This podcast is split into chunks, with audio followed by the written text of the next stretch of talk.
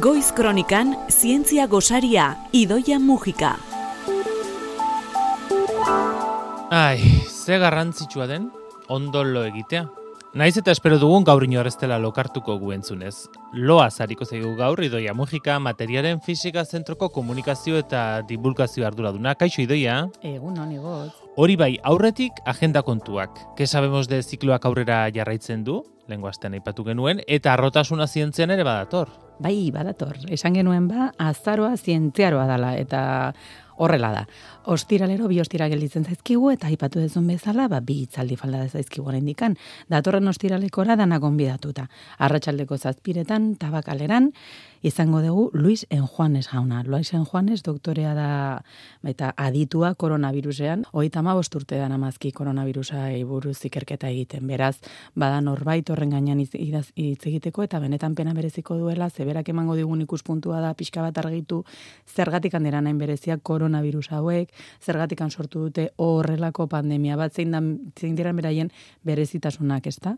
Eta baita ere, nola ari geran oiei aurre egiten. Hau da, nola egiten diran txerto hoiek, ze izan ere, beraien ikerketa taldean Madrilen, bera eta Isabel Sola, joan den urtean ekin genuela, ba, bakuna bat e, egin duten bakarrenetako dira, estatu mailan. Hori, ostirale honetan, iluntzeko zazpietan, eta azken ostiralean, alegia zerroaren hogeita zeian zazpietan, elikaduraz. Elikadura, bai, ze gaur oso modan dago, ba, adibidez, glutenik gabeko dieta kastea, edo aiun intermitente hoiek horrelako ba, dieta jarri dira modan, eta, bueno, ba, zientzia badauka zer esana, ba, elikadurari buruz, ez? Eta zeintzuk diran hor dauden baldintzatzen dituzten gauzak, eta zein kaltegarriak izan daitezken, edo zergatik aukeratzen ditugun gauzatzuk eta besteak, Miguel Herrero Calleja dugu, desmontando mitos alimentarios a conciencia, liburua idatzi zuen, eta oso tipo jatorra da, gaina, divulgatzaile bikaina azken hau ere. Nik uste jala, sarrera gehienak hartuta daudela, baina sartu zaitezte cfm.ehu.eus eta hor bertaratzeko aukera izango dezue zuzenean ikusteko itzaldi hauek ba lagun artean. Eta bestela beti ere ba streaminga ukiko dugu. Beraz bakoitza bere etxean egon nahi badu goxo goxo edo egon behar badu ba konfinatuta dagolako ba itzaki polit bat. Ostiralean zientzia pixka batekin bukatzeko astea ez? Eta arrotasuna zientzian, idoia? Bai, arrotasuna zientzian, ezakitu gauratzen zeate, baina joan den urtean bai. data hauetan itzen genuen alanturinen inguruan, pixkat argitu genuen zergatikan aldarrikatu behar dan ere, emakumeak zientzian aldarrikatzen dugun bezala, ba, berdintasunarekin batera, gu, ba, sinisten dugu bai guk, bai Donosti International Physics Centeretan anogunek, dibertsitatea bermatu behar degula zientzia esparruan. Ta horretarako, kanpaina bat hasiko gera sareetan, eta bisibilitatea emango diegu, ba, gure komunitan, ba, ikusgarritasuna, ba, gure ikerketa zentroetan, LGTBIQA plus kolektibotik jendea, ba, zein ikerketak egiten dituzten, eta pixkat, ba, ikusteko perfil guztietako jendea ongi etorri da zientzian beharrezkoa dela gaina, alik eta... Zuk askotan esan dizugu, zientzia zenbatetan hitzagoa izan, orduan eta hobe izango da. Hori da guren leloa beti, orduan egun hau ezin dugu pasa besterik gabe, orduan basareetan banatuko dugu joan den urtean egin genitu nitzaldiak, eta aurten, ba, pixka bat protagonismoa emango diegu, ba, gure hemen donostiko inguruan ikerketan ari diran jende horri, ez? Eta, bueno, ba, jarraitu itzai gaitzazue sareetan. Bi itzaldi hoien berri eman dugu beraz, eta ostegunean izango den eguna arrotasuna zientzian ospatuko duzuela ere aipatu dugu, baina esan dugu sarreran, loa dugula gaurko zientzia gosariaren oinarri. Irratian dauzkagun ordutegiekin badakigu pixka bat lo faltaren inguruan, baina saien saldizkariak eh, eman dizu ontaz hitz egiteko motiboa, ezta? Bai, gaina ni, ni neu azaroa zientziaro errepikatzen de, baina nekatutan dago. A ber, lo ondo egiten dute.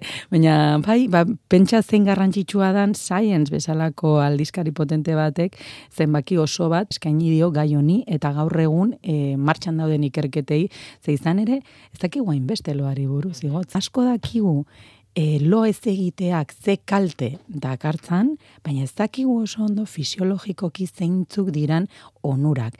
Eta hau garrantzitsua da, ze pentsatzen da zuen ondo, lo gaudenean, evolutiboki pentsatuta, espezie bezala, oso vulnerable gera.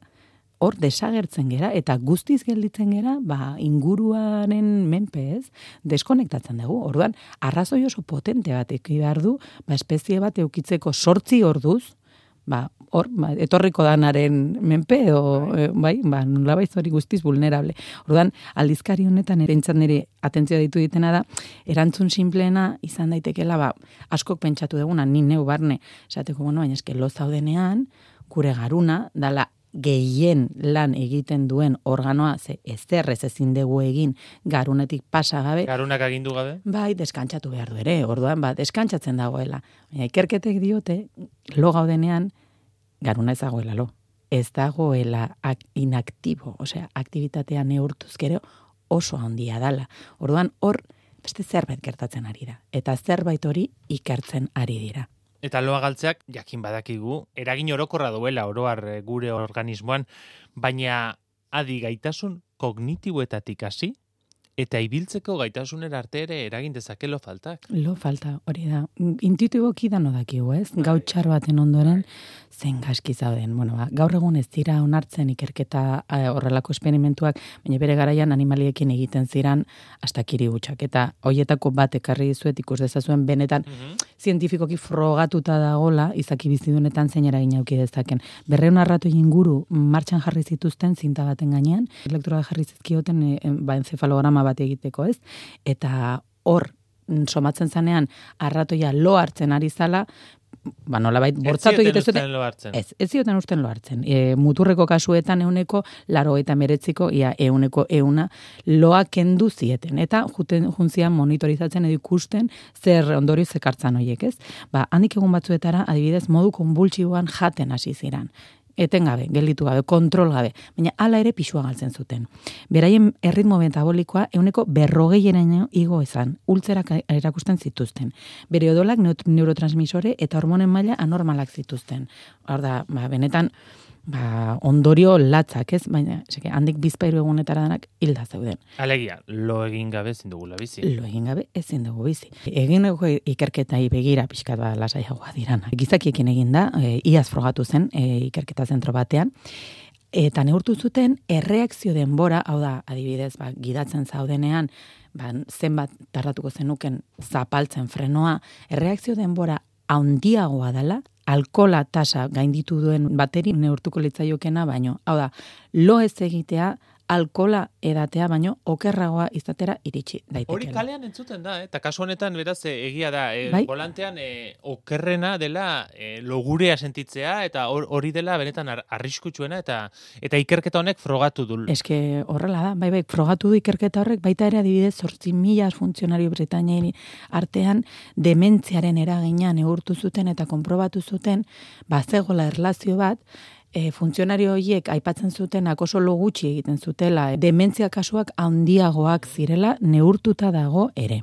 E, Beraz, lo faltak dituen ondorio kaltegarriak hor ikerketa aurreatua dago, baina lehen aipatu diguzuna kuriosoa da.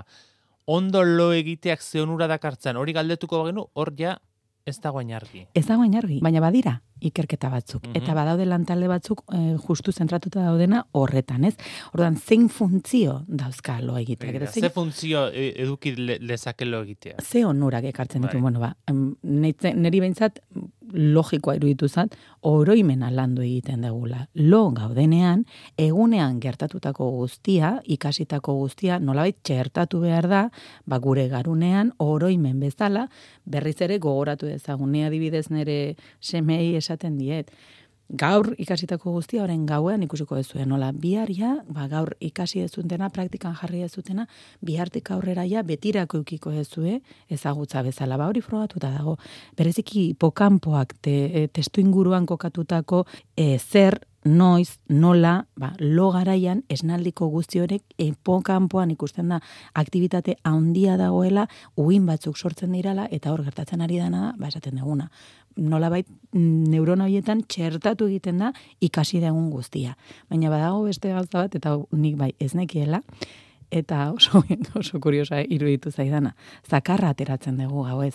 Behar ez duguna alegia. Bai, garbiketa prozesua egiten da garunean. Aipatu dugun aktivitate guzti hori izango litzateke ba gure garuna fabrika txiki bat izango balitz bezala, garu martxan dagoenean, hor zelula guztiak elikagai pila bat kontsumitzen dira, izan ere esaten da uneko energiaren hogeita bosta gure garuna kontsumitzen duela. Orduan egunean zehar lanean daude hor neuro nagusiak. Lan egiten duten heinean zakarra pilatzen doaz eta ba e, hoi metabolitoak ditzen dira, ez? Ba zeluletatik ateratzen diran sustantzia, ba sartzen dituzte elikagaiak, sartzen dute oxigenoa, erreakzio kimiko pila bat egiten dira eta metabolitoak sortzen dira. Eta guzti horiek nolabait pilatzen dijoa zor, ze lanean dagoen bitartean hortekan ez da pasatzen garbik eta zerbitzurik. Ba, gauean ja, lo gaudenean, aktivitate garritzen du, baina aldatzen da zeharo. Aktivitate horren zatea handi bat justu lotuta dago, ba, likido interstizial hori garbiketan, eta urrengo egunerako prestatzen berriz ere ofizina txiki hori, ba, no dakigu, ez, la, zenbat lan egiten duten garbitzaileak, beraien ordutegiak bete dira, ba, gu lanean ez gaudenean, garbitzaileak ez geranak, baina lan pila bat egiten da hor. Ba, garunak gauza berdina egiten du, eta zentzua dauka. Gaueko turno bat izango balitz bezala, esateko zentzu guztia dauka. Beraz, gertatzen bazaizuen ere gertatu zitzaidan bezala, ba, umea lokartzerakoan, leone galdetu ziala, zergatik egin behar nu, deugulo, eta konturatu nintzen, ez neki erantzuten, esan nion, iruditu zitzaidana zentzuzkoena, lo egin behar da. Bai. Eta orain behintzat badauzkagu hiru arrazoi, ez? Lehenengoa argi dagoela lo ez egiteak zer dakarren. Ondorio txar asko dituela. Eta beste bi ondorio. Oroimena lantzen laguntzen digula, legi ikasi dugun hori ordenatutak esnatuko garela, eta alperrikakoa dugun hori edo hor pilatu zaigun zakar hori bai. ateratzeko ere. Ze frogatuta dago ere metabolito hoien artean badago molekula bat metatu ezkero lotura estua daukala dibidez Alzheimer bezalako gaixotasunetan, ez? Orduan, garbik eta zerbitzu hori danok argi daukagu zein garrantzitsua dan gure makro mundu honetan ere, ba gure garun mailan ere ezinbestekoa da. Garbik eta zerbitzu hori bermatzea. Entzule, egizulo lasai eta igande goizez ematen e, dugunez zientzia gosari hau jakizu. Igande goiz batzuetan lo egin nahi baduzu ere EITB podcasten hortxe izango duzula zientzia gosaria Idoia Mujika eta Amaia Arregirekin. Astero astero hemen gustu handiz egiten duguna. Datorren astean Amaiarekin dugu zita baina berriz tokatuko gara Idoia. Bai, bat. egunon eta ondoloin